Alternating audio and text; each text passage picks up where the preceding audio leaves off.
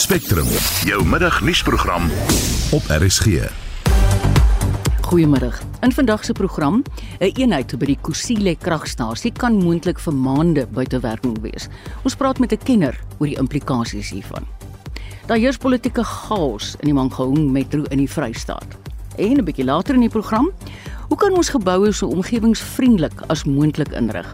Van die uitstallers by die Raad vir Groen Geboue in Kaapstad het 'n hele paar idees. Welkom by Spectrum, vandag onder redaksie van Joan Marie Verhoef. Die produksieregisseur is Johan Pieterse en ek is Marieta Kreur.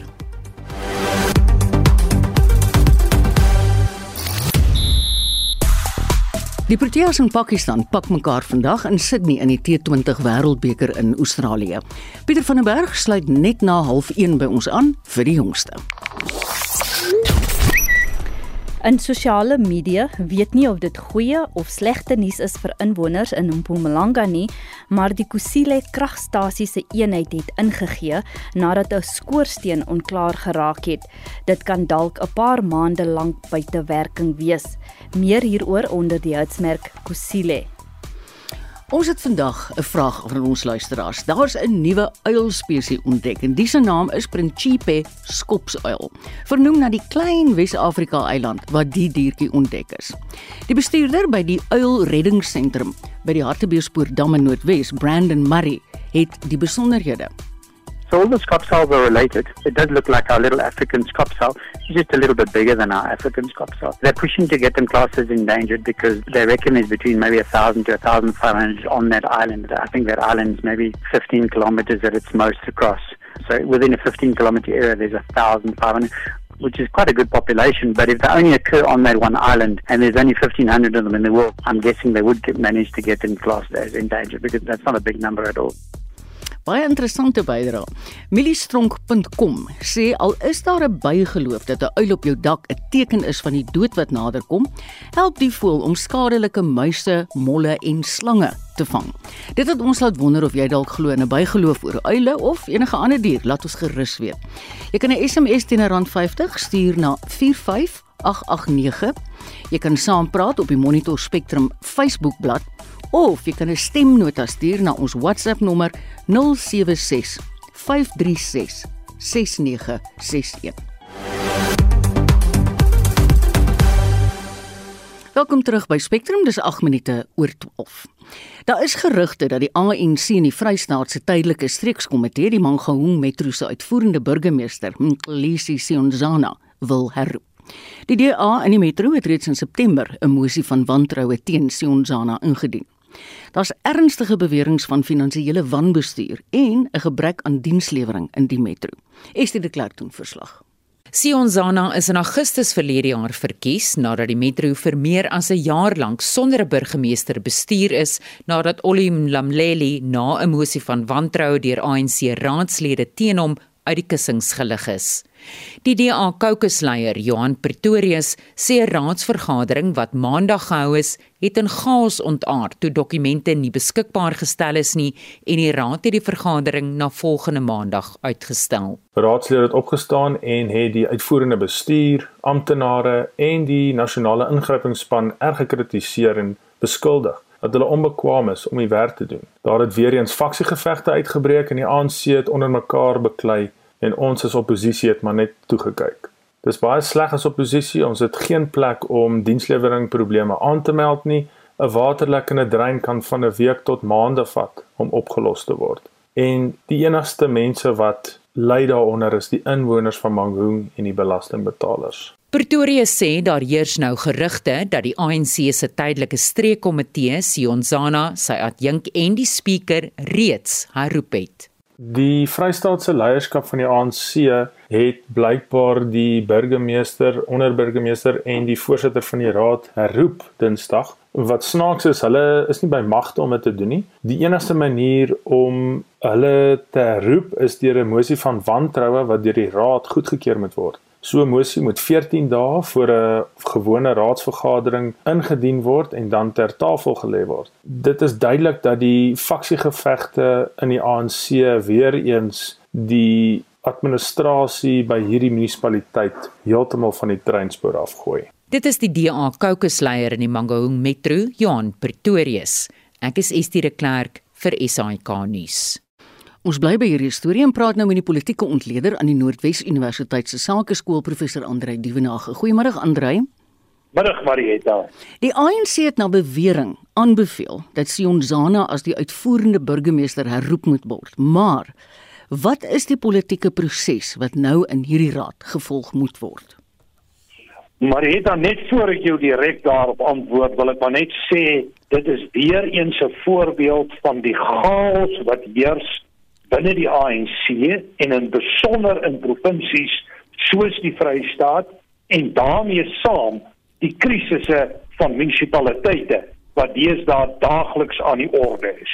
Maar in kort, die ANC in die Vrystaat is nie 'n verkose provinsiale struktuur nie. Dis 'n interim provinsiale struktuur en hy word nie deur almal aanvaar nie. Nou die komitee is 'n kompromis van twee faksies. Nou wat baie keer gebeur is, die burgemeester word uit die een faksie aangewys en kom ons sê die spreker uit 'n ander, dan institusionaliseer jy die konflikte. En dit is wat ons nou sien in 'n omgewing waar die Mangaung munisipaliteit al verlang in 'n krisis is. Maar in kort, jy kan nie net aankondig en herroep nie. Hier is prosesse wat jy moet volg binne die betrokke metro en soos uh, meneer Pretorius korrek aangedui het, jy het 'n 14 dae tyd waar jy die saak aanhangig maak. Dit moet dien daar is stemprosesse en dit sou natuurlik moet beteken dat van die ANC lede teen die betrokke burgemeester uh moet stem of die mosie van wantroue dan moet ondersteun en daai proses is glad nie gevolg nie. Weereens wys dit vir my mm. oor hoe sleg die strukture binne die Vrystaat funksioneer wat die ANC betref. Dis nou net wat ek jou wou vra Andre, want jy weet wat nou in die Mangaung metro aangaan, kan 'n mens waarskynlik sien as tekenend van die hele politieke speelveld binne die ANC in die Vrystaat. Baie beslis is dit so. Aan die een kant sit jy met die interim provinsiale komitee onder die leiding van Kolisi Dukwana en hy is meer Cyril Ramaphosa georiënteerd. Aan die ander kant het jy nog steeds die Ysbagashule loyaliste. Mm. Ons kry wisselende berigte, maar dit is vir my duidelik dat hy steeds invloedryk is in die Vrystaat omgewing. Mm. En uiteindelik sit jy met 'n situasie dat hierdie groepe in konflik is. Nou wil ek vir jou sê, dit was eintlik maar die scenario in die Vrystaat die laaste 2 tot 3 dekades. Ek onthou die tyd toe ek nog by die Vrystaatse Universiteit klas gegee het, het ons gepraat van die gevegte tussen die noorde en die suide. Mm. So daai geveg gaan aan, dit ondermyn die stabiliteit van die die provinsie, dit ondermyn die provinsiale regering, plaaslike regerings en dit wat nou daar in Mangaung uitspeel. Sou jy sê ons kan hierdie sien as 'n poging om die mag te konsolideer teen eis? Ek dink dis definitiewe pogings aan die gang om die mag te konsolideer teen Ysmagashule en of om kandidate in plek te kry wat 'n bepaalde faksie mm. gunstig getint is. Mm. Maar nou wil ek ook sê daar's 'n ander dimensie aan die saak en dis die krisis binne Mangaung. Dit is so groot dat hy moontlik on die raad ontbind kan word en ek dink om nou uh, die die burgemeester en leierskap te te vervang is dalk 'n poging ja. om seker te maak die hele raad word nie ontbind. Mm. Ons weet nou wel dat die ANC in die Vrystaatse konferensie nog nie gehou is nie. Hoe sal dit bepalend tot die ANC se nasionale konferensie wees in Desember, Andre? Wel, uh, kyk die ANC in die Vrystaat is nie uh dis nie die grootste provinsie binne die raamwerk van die ANC nie, maar hy is tog belangrik. Maar nou is ek nie seker wat die stand van hulle takke is nie. Die inligting wat ons het is dat hulle nie takke het wat in goeie orde is nie. En dit beteken as hulle 'n sekere getal takke nie bereik nie, dan kan hulle nie 'n provinsiale konferensie hou nie. En ek is oortuig daarvan dat hulle nog nie daai sogenaamde threshold waarvan hulle praat bereik het nie. So die breë stand van die ANC is negatief.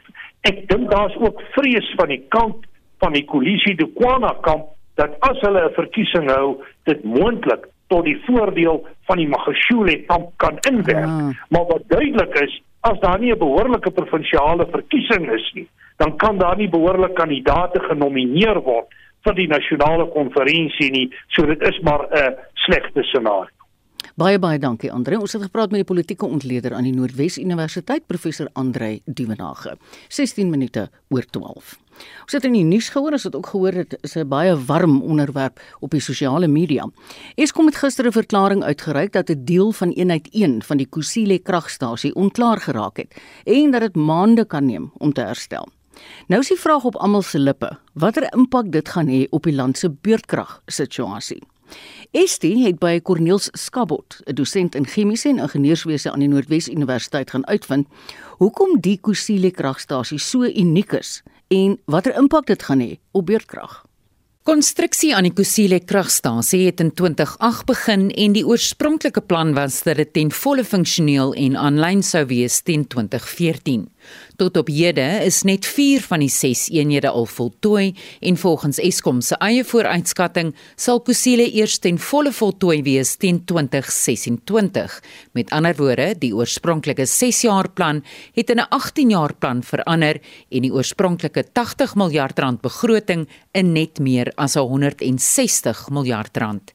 Skabord verduidelik hoekom Kusile so belangrik is. Wat Kusile uniek maak, is dat daar by hierdie aanleg gebruik gemaak word van skroptorings om die swaweldioksied uit die afgas te verwyder deur middel van kalkwater. In eenvoudige Afrikaans, as 'n mens steenkool ontbrand, dan rook dit. Nou daai rook noem ons afgas. Nou hierdie afgas word dan in kontak gebring in 'n skroptoring met kalkwater en in die proses vorm daar dan gips.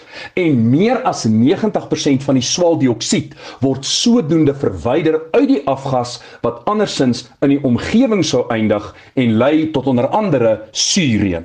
Op 23 Oktober het 'n deel van eenheid 1 van Kusile wat die funksie verrig onklaar geraak en Eskom sê in 'n verklaring dit kan moontlik maande neem om te herstel. Volgens Eskom was daar 'n faling in die toevoerpyp of die toevoerkanaal. Ek weet nie wat's die korrekte tegniese term vir duct in Afrikaans nie, maar dis hierdie buis tussen die skroptoring en die skoorsteen. So die vraag op almal se lippe nou is: wat van beurtkrag? Skabord verduidelik hoe dit kragverbruikers se daaglikse beurtkragskedule sal raak. Alles hang af van die impak van hierdie insident van eenheid 1 op die werking van eenheid 2 en 3. Maar kom ons aanvaar dis net eenheid 1 wat uit bedryfheid gaan wees, dan beteken dit dis een fase beurtkrag addisioneel tot dit wat Eskom in elk geval reeds vooruitskattinge van gemaak het. Met ander woorde as ons kyk na hulle beplanning, Eskom sê dat daar beurtkrag gaan wees letterlik vir die volgende jaar met die uitsondering van 'n week in Kersfees en Nuwejaar. Daardie 2 weke van beurtkragloosheid is dalk selfs ook nou in gedrang, maar die realiteit is daar's beurtkrag. Vat die fase wat voorspel is, tel ten minste een fase by. So oral waar daar fase 2 beurtkrag voorspel is, heel moontlik fase 3 en fase 4 sit hom op fase 5. Dit is ongelukkig die realiteit eenheid van hierdie eenheid wat ons verloor want dit is 'n groot eenheid, dis 800 megawatt. Dit was Corneel Skabord, 'n dosent in chemiese ingenieurswese aan die Noordwes Universiteit. Jy's ingeskakel op Spectrum. Ons hoop daar in jou gedeelte van die land is dit veel warmer as hier by ons. Ons kla nie, ons kry regtig verskriklik koud. Mens kan nie dink is somer nie.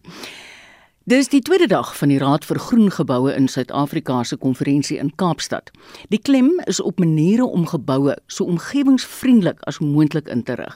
Of dit nou is deur waterverbruik, deur verf wat gebruik word en selfs die gehalte van die binnenshuise lug. Walenay Forsie is daar en sy het vanoggend by van die uitstallers gaan hoor hoekom hulle by die konferensie is. Het jy al ooit gehoor van 'n toilet wat slegs 1 en 'n halwe liter water gebruik? Karen Botha en haar span by Propel Air vervaardig die toilette. Ons vervang basies 7.5 liter water met so 120 liter lug. Hier's 'n klomp waterbotteltjies hier agter my. Jy het vir my gesê dit is die water wat jy spaar per spoel. Dis reg. So al hierdie botteltjies wat hier agter jou staan, daar's 23 botteltjies water. Dis hoeveel water jy spaar met elke liewe spoel. Hierdie is 'n kommersiële produk, né? Nee? Ons kyk na residensiële produk, maar heel waarskynlik eers in die volgende 2 jaar. Teen die einde van hierdie jaar behoort ons 'n 2.500 eenhede geïnstalleer hê in Suid-Afrika. Dit spaar ons kliënte in 'n totaal van omtrent 500 miljoen liters water per jaar. So hoe werk dit? Draai jy die toilet spoel, dan is dit 'n halwe liter water wat net die pan spuit, so dit is 'n 'n hoë spuit wat hom skoon maak. Ons het 120 liter lug wat alles absoluut in die pan in afdruk en dan het ons net nog 'n liter water wat net die weer in die pan inkom sodat jy 'n watertjie in die pan het. Dis selfs nie ver wat ons kan gebruik in ons huise en kantore kan die omgewing beskadig. My name is Bernard Limbeck. Uh, I'm a German paint chemist, and we started ProNature in 1998. So next year we're going to be turning 25. The idea behind ProNature was to make paints from natural ingredients instead of petrochemicals. And seeing that petrochemical or the crude oil that is the base of petrochemicals is a very limited raw material source the thought was how can we make paints in a sustainable way from regrowable raw materials? So we use predominantly plant based raw materials. We don't use any VOCs, you know, which is like the buzzword these days, and no synthetic chemicals that uh, could lead to allergies and breathing problems and so forth. So gepraat van beter asemhaal. Janet Peace is die projekbestuurder by Bitwest Execu Flora. Sy sê goeie gehalte lug binne geboue is uiters belangrik en een van die maniere om dit te verseker is met plante binne die kantoor. Dit kan juis help om geboue se groen status 'n hupstoot te gee. So your indoor built environment is has a lot of volatile organic compounds or VOCs. And those are nasty things that come in your carpets, uh, in the glue in the carpets, there's formaldehyde, um, in chipboard furniture. And when people breathe that, it, it, it can cause headaches, it can cause sore throats, it can cause some health issues. So, this is where the beauty of plants uh, comes in because plants remove volatile organic compounds from the air and there are some plants that are really good at that. So here, Google is your good cousin, but I can tell you um, Sansevieria or snake plant, chlorophytum, Diefenbachia, there really are a, a lot of benefits in having the plants. Dit was Janet Peace, ek's Marlene Forsie vir SAK nuus in Kaapstad. 1223. Die regering van Ethiopië en die Tigray People's Liberation Front het gister 'n vredesooreenkoms in Pretoria onderteken en hulle self daartoe verbind om oorlogvoering in die land te beëindig. Die onderhandelinge is deur die Afrika Unie bemiddel. En ons praat nou met die politieke ontleder aan Unisa, professor Dirk Kotse. Goeiemôre Dirk. Goeiemôre Marite. Hoekom dink jy dit so lank geneem voordat die vredesooreenkoms uiteindelik onderteken is? Eintlik is dit nie so lank nie. Die oorlog het 2 jaar geduur. Ehm um, vanaf 2020. Ehm um, en ons weet van baie oorloë byvoorbeeld net 'n bietjie verder suid, ehm um, in die ooste van die DRK wat 20 jaar of langer nou al besig is om aan te gaan. so dit is 'n relatief uh vinnige proses wat plaasgevind het en wat nog vinniger plaasgevind het was die onderhandelings wat hier in Pretoria plaasgevind het by die by Delco se geboue. Ehm um, en wat die deur die Afrika Unie paneel van die Afrika Unie as mediators behartig is. Ehm um, so dit was 'n relatief ek meen 'n bietjie meer as 'n week lank om 10 dae ehm um, is vir vredesonderhandelinge eintlik 'n baie vinnige proses. Goed. Dis waar wat jy sê. Watter faktore sou jy dink het in die Afrika Unie se guns getel om die geskiedkundige ooreenkoms te bereik? Wel die Afrika Unie is gesetel in Ethiopië. Ehm um, so daar's 'n baie direkte belang wat die Afrika Unie het. Tweedens is die persoon wat die leidende figuur was as mediator, daar was drie mediators, is die ou president uh, Obasanjo van Nigerië. Wat nou al in verskeie sulke situasies mm. as mediator opgetree het. So is een van die mees ervare mediators in Afrika. Saam met hom was uh, president die voormalige president Uhuru Kenyatta van Kenia. Kenia is 'n sleutelland in die uh omgewing van van Ethiopië, uh die hoorn van Afrika en Oos-Afrika en dan Suid-Afrika se voormalige adjunkt uh, president. in die Mbeki tyd. So dit het die af, die Suid-Afrikaanse dimensie ook ingebring en ek dink hierdie kombinasie het net baie goed gewerk. Ja. Ehm um, terselfdertyd was daar baie druk van die VN wat uh, waarnemers daar gehad het van die Amerikaners wat waarnemers ook daar gehad het um, vir hierdie proses om om te tot 'n punt van ooreenkoms te kom. So jy dink Suid-Afrika het nog 'n redelike prominente rol gespeel? Agter die skerms ja. Um, ek dink wat mense sien is, is dat by die einde gister toe die ooreenkomste onderteken het wat die minister Naledi Pandor, sy was deel van daag geweest ek dink president Mbeki, hoewel hy nie sigbaar was nie, mm. het waarskynlik 'n belangrike rol gespeel. Hy en Obasanjo kom 'n baie lank pad saam mm. en het in die verlede saamgewerk in sulke mediasieprosesse. So ek dink Suid-Afrika en die feit dat dit in Suid-Afrika plaasgevind het, um, ver weg van die konfliksituasie, ja. ja. maar terselfdertyd met die Suid-Afrikaanse soort van mag wat hy daar op plaas, um, wat definitief 'n rol gespeel het. Dirk, dink jy ook in hierdie situasie vat as 'n voorbeeld vir ander vredesooreenkomste op die vasteland? Ehm um, elke situasie is baie uniek en in dit uh, eie dinamika en die eie spelers of rolspelers wat daarbey betrokke is.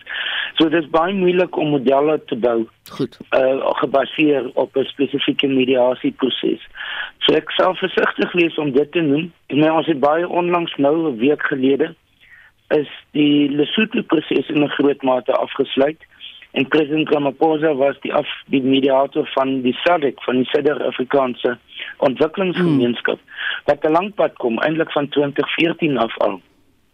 Ehm um, en dit is al is dit 'n klein landjie wat baie minder gekompliseerd is, wat minder wat daar geen fisiese geweld betrokke was soos in Ethiopië nie. Het dit langer geneem.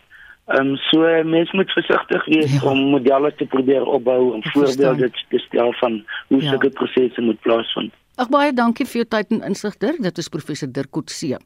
Hy is 'n politieke ontleder aan Unisa. Jy luister na Spectrum op RSG. In die tweede deel van vandag se program, 'n gevorderde ruimteweerstasie word vandag by Hermanus in die Wes-Kaap bekend gestel.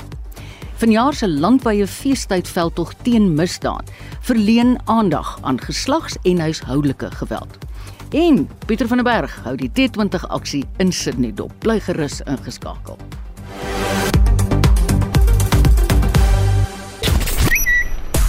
In sosiale media, die ANC presidentskandidaat en voormalige minister van gesondheid, Zweli Mkhize sê, sy benoeming is nie net beperk tot takke in KwaZulu-Natal nie, maar hy is besig om Cyril Ramaphosa as ANC president by die party se Desember konferensie te vervang.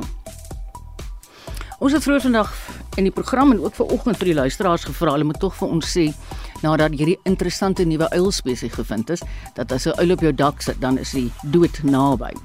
Toe sê Martie Kraamwinkel vir ons, man kennis is mag. Bygelowe spruit uit onkunde. Die, die aksie op goed wat ons nie ken of verstaan nie, is gewoonlik of haat of vrees. Marlene Lou sê, ek is nie bygelowig oor uile nie, maar glo my, as 'n Piet my vrou 'n paar dae lank roep, gaan ons reën kry. Nicoline gee vir ons 'n verduideliking. Sy sê die ontstaan van die bygeloof het 'n interessante geskiedenis. Sy sê in die ou tyd, tussen aanhalingstekens, is kersse of lampe gebrand terwyl daar by 'n siek of sterwende mens gewaak is. Dan het die lig nou motte en ander insekte gelok wat op hulle beurt nou weer paddas, vlermuise en knaagdiere gelok het. En die het uiteraard uile gelok. Daarom is die afleiding gemaak dat uile op 'n dak beteken die dood is naby. Roland Dur sê in die geval moes ek lankal dood gewees het. Ek is woonagtig naby 'n natuurreservaat. En snags is daar dikwels uile op die dak en in die tuin. Die bygeloof is nes albei gelowe nie op feite gebaseer nie. Ons het vroeër beloof ons gaan met Pieter van der Berg gesels want Suid-Afrika speel hulle vierde wedstryd by die T20 Cricket Wêreldbeker teen Pakistan. En Pieter hou vir ons die aksie in Sydney dop. Hallo Pieter. Hallo sê Marita, Jan, ek wonder as die Proteas begin blom gaan Suid-Afrika dalk wen. Dis nie 'n bygeloof nie want dit gaan goed met Suid-Afrika hier in hulle kolfbeurt alhoewel hulle uh, op 'n dramatiese wyse begin het en vinnig twee paaltjies verloor het. Suid-Afrika 59 vir die verlies van 2 na 6.3 bilbeurte. Hierdie bal word reg uit vorentoe gespeel deur Aiden Makram. Hulle gaan draai vir 'n tweede lopie. Ja, en daardie telling gaan aangroei na uh, 60 60 vir 2 na 6.4 bilbeurte. So Suid-Afrika kolf teen byna uh, 10 lopies per bilbeurt. Dis Bavuma, hy staan op 35 van 17. Hy het van die eerste bal van hierdie 6de bilbeurt, nee, of die 7de bilbeurt het hy 'n pragtige 6 gemoker, 'n bal aan die wegkant. Het hy heel, heeltemal uitgetree uit sy kolfkampie na sy regterkant toe. Hy het hom gehaak aan die bykant toe, 'n pragtige 6 en hy staan op 35 van 17 balle. Maar voor vandag Pakistan, hulle wen die lood. En as ons net weer kyk na Rof en hierdie ene deur die dekveld nie, hy kry hom nie deur nie. Hmm mooi afgesny en gaan een loopie by kry 61 vir 2. Vroeër vandag Pakistan 185 vir 9, die eerste 10 balbeurte met hulle 68 vir 4 aangeteken. Suid-Afrikaanse bowlers het die boetoon gevoer, maar in die tweede 10 balbeurte is dit Pakistan wat 117 aanteken, 'n uh, verdere 5 paaltjies verloor nadat hulle in daardie laaste 8 balle uh, het hulle 4 paaltjies verloor, maar uitstekende kolwerk en as ons net gaan loer na daardie tellings, dan sien ons daar is 'n uitstekende 51 van 35 balle van Ahmed en dan 52 van net 22 balle, 3 4 4 6 van uh, Sadat Khan. So 'n briljant interessante uh, kolwerk daar. Suid-Afrika se bowlers, ja, hulle het maar swaar gedeef, uh, veral daar die laaste 10 balbeurte ander nog die die beste bowler vir Suid-Afrika 4 vir 41. Dan op die oomblik, dit is uh, Temba Bavuma wat op 36 is, nie uit nie van net 18 balle, gaan goed met Temba en dan Aiden Makerum 16 van 12 balle. Die twee manne terug in die paviljoen. Quentin de Kok, hy moet nog hy, hy's uit vir 'n nulletjie van 5 balle en Riley Rousseau, hy het 7 aangeteken. 65 vir 2 na 7 balbeurte. So Marietta ek moet sê Suid-Afrika as hulle kan volhou om die paltjies te verloor nie, hmm. staan hulle hmm. goed hier want na 6 beurte het Pakistan 42 vir 3 gehad, Suid-Afrika 48 vir 2 en nou 65 vir 2. Dit gaan goed. Ons gesels weer later. Dis in 360 en daarmee terug na jou in die Spectrum ateljee. Weet jy Pieter, ek kon nie teleurstelling op Quentin se gesig nie toe hy uit is vir 'n liedjie stop. Maar dis maar skop, ah, ja, nee. Mm, en hy was so mooi op vorm tot nou toe nee. en dan moet ons aanvaar dat uh, natuurlik uh, sy openingsvernoot Riley Rousseau ook baie ekskuus nie opening nie die, wat tweede ingekom het Riley ja. Rousseau briljant gekolf by die mm. wêreldbeker tot dusver en hy's uit vir 7 maar dis cricket aan ja. daarteenoor Themba Bavuma wat gesukkel het nou op 36 Ja baie dankie Pieter dis Pieter van der Berg en soos hy gesê het hy gaan in 360 weer vir ons op hoogte bring een verpleegster vir elke 218 pasiënte. Dit is volgens die Suid-Afrikaanse Raad van Verpleegsters waar die verpleegster tot pasiënt verhouding op die oomblik in die land is. Boonop in die aanbod van gekwalifiseerde personeel in alle verpleegkategorieë sedert 2013 met byna 40% afgeneem. Rich Setrina, die president van die verpleegstersvakbond Young Nurses in Durban, sê daar's 'n kroniese tekort aan verpleegsters in die land. As young nurses in our trade union, we don't even refer to it as, as, as shortage of staff only. It's not enough to put it like that. You just say it's a gross shortage of staff. It's a complete must. That is why we always say we, the system is actually using us as nurses as accomplices of murder. Volgens 'n verslag van die Wêreldgesondheidsorganisasie behoort elke land meer verpleegsters op te lei as wat hulle elke jaar doen. Dit is om 'n wêreldwye tekort aan verpleegkundiges te vermy maar Sitrina skets 'n donker prentjie van die situasie in die gesondheidssektor. I was in this other hospital in Pietermaritzburg, Edendale Hospital. It's a 52 bedded ward.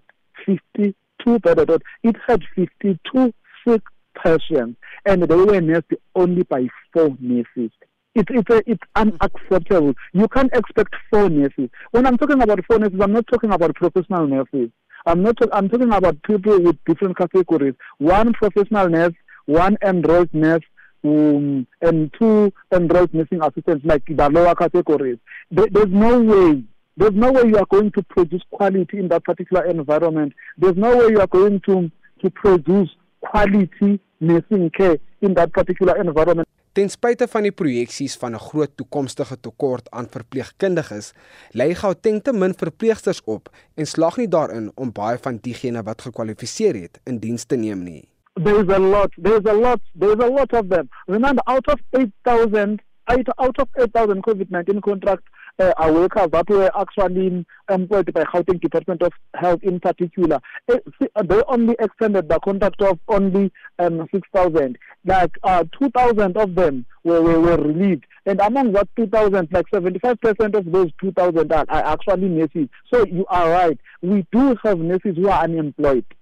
But they are working in private they are working in NGOs, they are not fully employed in those departments as well. They are working as locum. Others are actually struggling there at home. They are not, they are unemployed. Even the statistics, when you read the statistics and it goes down to say, even if we actually can employ all those who are unemployed, we will still be having shortage of staff in South Africa. Wat ook tot die probleme bydra, is dat verpleegsters oorwerk is en onderbetaal word. Our government who has actually instituted what we call this um, austerity measure, saying that they don't have money as a result, they, they have put a moratorium to say we can't employ anymore anyone anymore because of lack of they are crying poverty, of which uh, we believe if they are talking about lack of money in as far as human resources in the Department of Health, they must exclude nursing. They must exclude nursing and at least make it a priority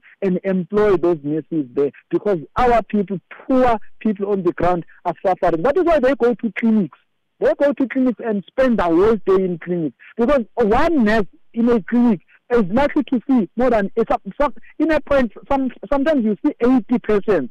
One nurse seeing 80%. The, the minute you are you reach person number 50, you are tired already. Then the next coming 30, you will be seeing them so that they can go and and, and be discharged. You give them Panado and you are done. We are producing mediocre and substandard performance as a result. Dit was Rich Sitrina, die president van die verpleegstersvakbond Young Nurses Indaba. Ek as Vincent Mufokeng vir SAI Garnis. Die departement van gesondheid het meer as 9000 mediese internskapwerkers veral by hospitale in landelike gebiede geplaas. Volgens Foster Mogale, die woordvoerder van die departement, sal hulle in Januarie met hulle diens begin. The Department of Health had successfully completed the process of allocating all eligible medical interns and community service applicants on internship and community service program for the next annual intake scheduled to commence in January 2023. A total of 9,647 eligible South African citizens and permanent residents who applied for medical internship and community service opportunities were successfully allocated in order to enhance services in the public health sector and also enable graduates to complete the last phase of the academic program. Volgens Mogale is die mediese internskapswerkers in gebiede geplaas waar dit nodig is. Almost 97% of the total applicants were allocated in the first 5 priority choices, while only 3% were allocated outside the preferred options. The department has allocated 73% of the total applicants to health facilities based in rural and semi-rural areas, while only 26% is allocated in urban areas. This is part of government's efforts to prioritize rural and underserved areas in the country. The system has a functionality which allows applicants to swap or exchange their allocated posts. Mogale sê Suid-Afrikaanse burgers wat aan die vereistes voldoen, is geprioritiseer. The first priority was given to South African citizens studied in local and foreign institutions of higher learning who met the minimum requirements, followed by the permanent residents, and lastly, foreign nationals, depending on the availability of resources and funded posts.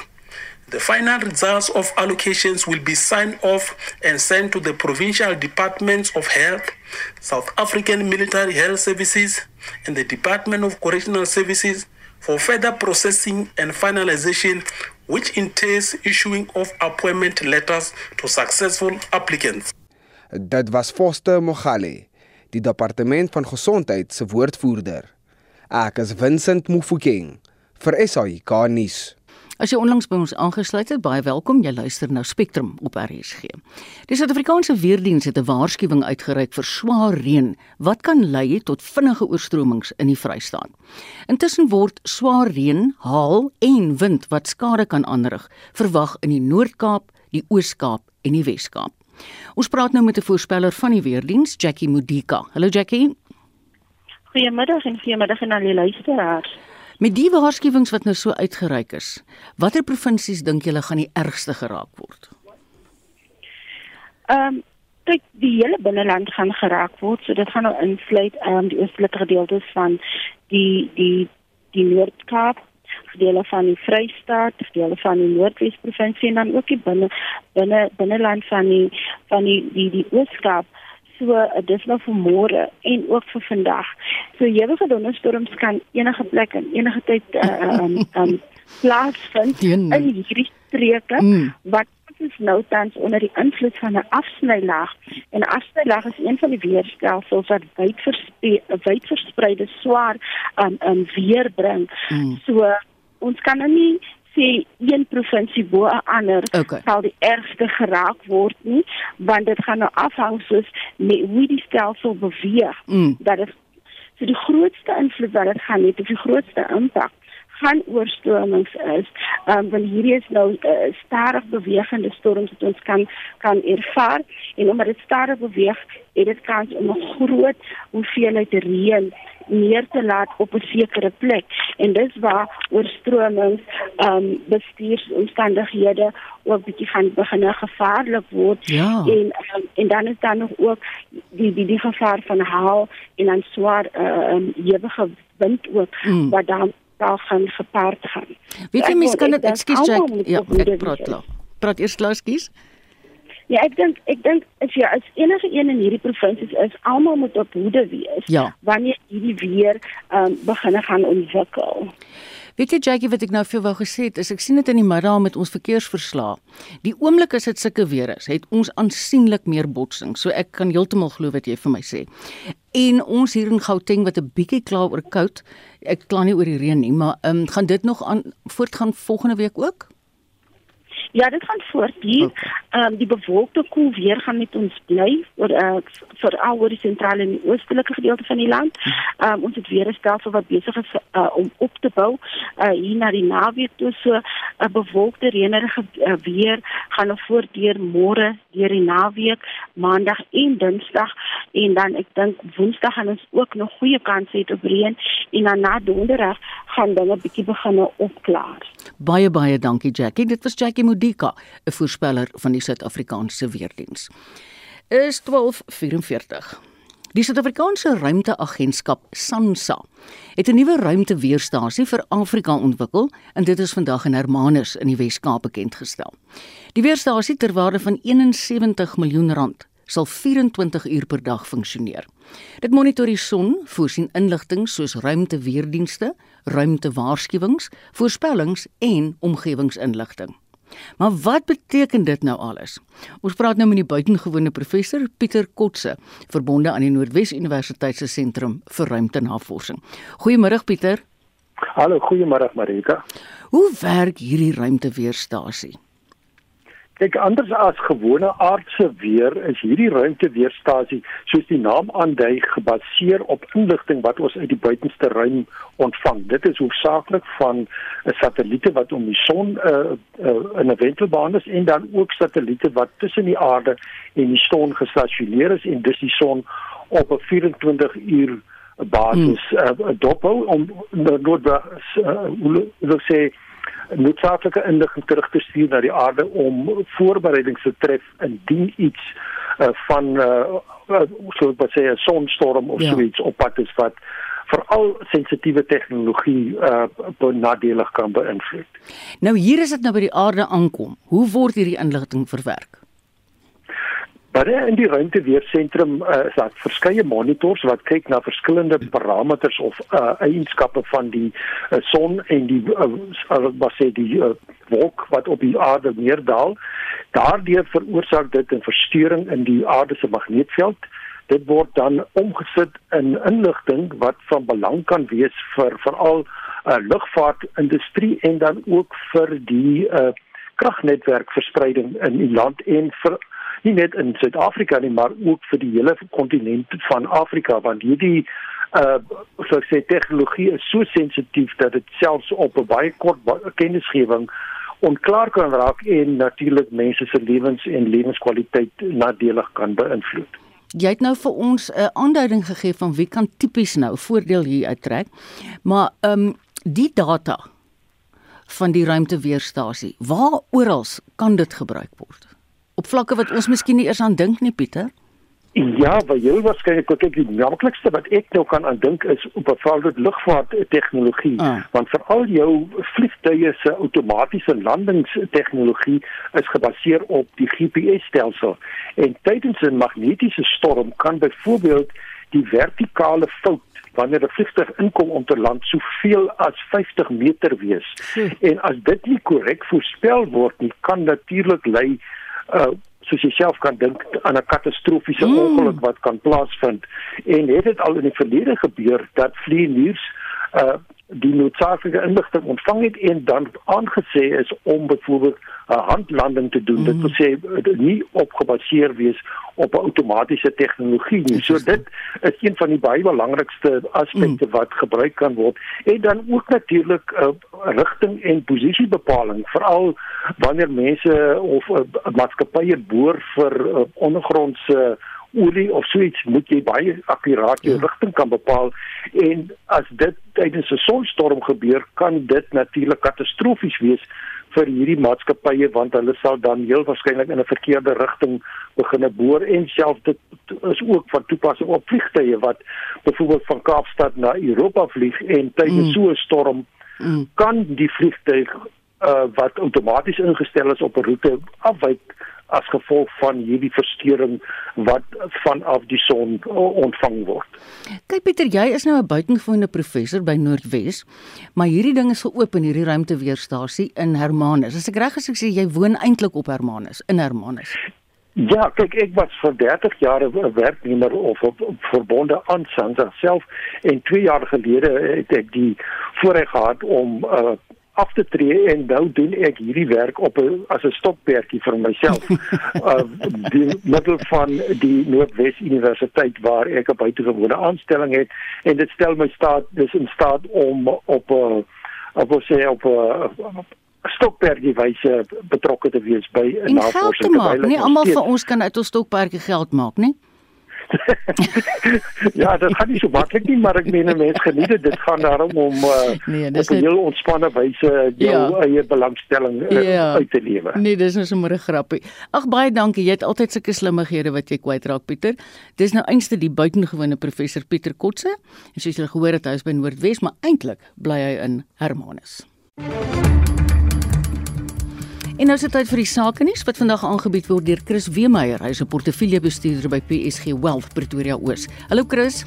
Goeiemôre Marieta. Gister het ons in die Amerikaanse Federale Reserve die rentekoers met 75 basispunte verhoog en uh, hulle het net gesê dat hulle waarskynlik rentekoerse nog hoër gaan uh, opstoot en dis hoër as wat die mark verwag het. So markte internasionaal maar onder druk, Suid-Afrika ook uh, onder druk die algehele indeks nou 1,8% laer op 65892 en is veral hulpbron aandele wat swaar onder druk is. Hulle tans Selbron indeks 4% laer uh finansiëel so 0,7% laer en die nywerheidsindeks 1,4% laer. Nou uh, van die aandele wat die oog vang vandag se Banye uh Stillwater wat hulle produksieverslag tot einde September bekend gemaak het en net gesê het dat elektrisiteit probleme vir hulle 'n groot probleem was. Produksie het nie so goed gelyk nie en uh, Sibanye se prys vandag 10,8% laer op R38.88. Dan die platinum miners wat die laaste tyd baie goed vertoon het, ook onder druk. Impala Platinum net hier by 6% laer, Harmony Gold 5,2% laer, Northern Platinum 4,2% laer, Anglo American nou 4% laer. Ehm um, So dit lyk nie oral goed nie. Glencore 2% laer en BHP 1.5% laer. So hulpbron aandele maar onder druk. By die banke sien ons net 'n uh, Capitec wat ook mooi herstel het 2.5% laer, uh, Sanlam 2.4% laer Quilter uh, 1,6% laer. So nie 'n goeie dag op ons beurs nie. Van die nywerheidsaandele Richmond 2,4% laer, Naspers 1,7% laer. As mens net na markte in Europa gaan kyk, dit lyk nie te sleg nie. Hulle is almal onder 'n persent laer. In Londen is die FTSE 0,6% laer, in Frankfurt die DAX 0,6% laer en in Duit, in in, in Parys die CAC nou 0,8% laer. En dan soos ek uh, gesê het met hierdie rentekoersverhogings in Amerika is uh, die dollar baie sterk, mm. ander geldeenhede baie swak. Die, uh, die rand teenoor die dollar nou op R18.45. 'n Pond kos jy R20.75 en die euro R17.96. So die, die rand teenoor die dollar so 1,4% laer, maar uh, die euro ook teenoor die dollar gister uh, 1.5% verloor en die pond ook 2,1% laer teenoor die dollar. So die dollar kraai koning op hierdie stadium en dan die goudprys op 1622 dollar dis 1,4% laer platinum op 921 dollar 4% swakker en die Brent olieprys uh, op 95 dollar 9 per vat dis 1,1% laer. Marita, dis al van my kant af vandag baie dankie. Weet jy Chris, dit klink nie vir my of jy of ek in die nabye toekoms vinnig New York toe gaan nie. Nie vinnig nie. Ons gaan maar Europa toe probeer. dankie ek hoor. Dis Chris Weemeyer, hy's portefeuljebestuurder by PSG Wealth Pretoria Oos. Die Gautengse regering beplan om kringtelevisiekameras in townships en skole te installeer om misdaad te verminder. Volgens kenners kan die gebruik van tegnologie soos hommeltuie help om misdadigers vinniger en doeltreffender vas te trek. Mitsie van der Merwe berig. Volgens die misdaadstatistiek in April tot Junie vanjaar was daar 'n toename van 5,6% in rooftogte met verswaarende omstandighede, terwyl ontvoerings aansienlik toegeneem het 293 meer mense is vermoor in vergelyking met die vorige kwartaal. Die Gautengse premier, Panjasa Lesufi, het verlede maand onderneem om die jongste tegnologie aan te koop om misdaad te staai. I'm glad this particular matter was cracked purely because of a CCTV in one particular area. It means we need CCTVs everywhere in our communities. Die hoof van die provinsiale departement van gemeenskapsveiligheid, Notsikilelu Sisulu sê die departement werk saam met die privaat sektor om kringtelevisiekameras by skole te installeer. Business Against Crime has already offered to install 40 cameras in identified high risk schools and an additional 60 identified about 20 priority townships. So th- those cameras will be there. But of course, you know, community buy in is everything. They must know that the cameras are there for their protection. Sisulu sê 12 miljoen rand is begroot vir die oprigting van 'n provinsiale bevelsentrum in Midrand. Volgens haar gaan hommeltuie en tolhekke ook ingespan word. It will obviously have to be commanded by SAPS, but there will be different units of the law enforcement agencies that are in one area, including departments. Remember, when there's a service delivery protest, it is not a South African police service or a traffic issue. It's usually a water issue, sanitation issue, or a human settlement issue, then we need those departments as we go and respond to come with us 'n Kriminoloog aan die Universiteit Stellenbosch, Dr. Guy Lam, stem saam dat hommeltuie en kringtelevisie kan help om misdadigers vinniger vas te trek. So the drone will provide very useful intelligence to those police and others who may be wanting to raid a particular venue to find out are there dangerous people on that premises? Do they have arms? The point about CCTV is the cameras themselves can act as a deterrent, but only a temporary deterrent once criminals figure out that if there's no response to CCTV footage, then of course CCTV cameras become fairly obsolete. But if CCTV is connected to control rooms that are monitored all the time and linked to response units who can respond fairly quickly, then CCTV can be a very effective way at deterring and preventing crime. 'n Kampvegter teen misdaad in Eldorado Park, Derelin James, sê egter 'n holistiese benadering is nodig om misdaad te bekamp. We know that the contributors to crime is unemployment, it's poverty. We want all departments on board. Derlin James is 'n teenmisdaadaktivis. Tsepo Pagani het hierdie verslag saamgestel. Mitsi van der Merwe, SAK nuus.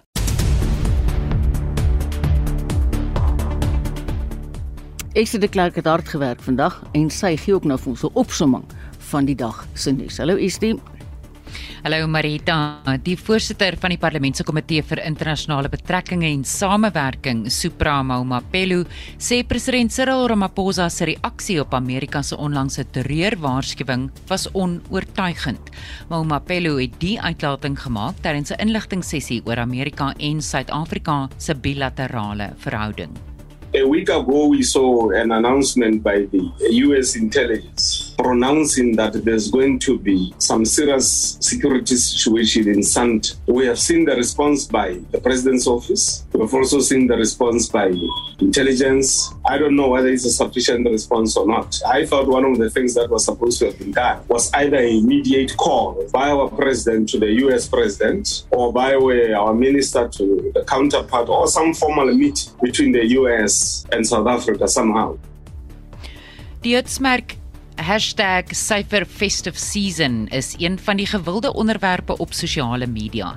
Die regering het vroeër vandag die nasionale veiliger feesseisoenveldtog tydens 'n byeenkoms in Limpopo van stapel gestuur.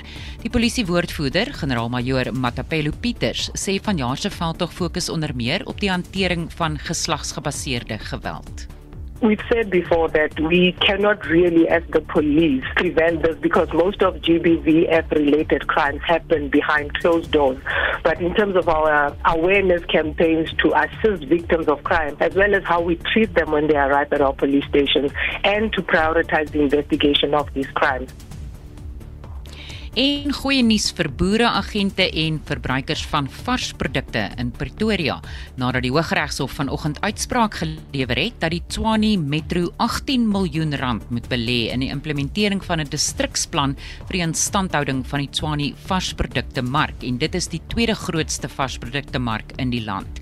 Hier is die uitvoerende direkteur van Agri SA, Christo van der Rede. Die toestande by die Swaniemark, Johannesburgmark vererger by die dag. Storingsfasiliteite, elektrisiteitsontbrekings, onhigiëniese toestande maak dit baie moeilik om daardie markte se kapasiteit ten volle te benut om voedsel aan ons land se mense te voorsien. So ons hoop en vertrou dat hierdie hofuitspraak dinge sal laat gebeur en dat die markte sal reggerig word. Baie dankie Estie. Ja, soos ek sê, jy het regtig waar jou kant gebring vandag.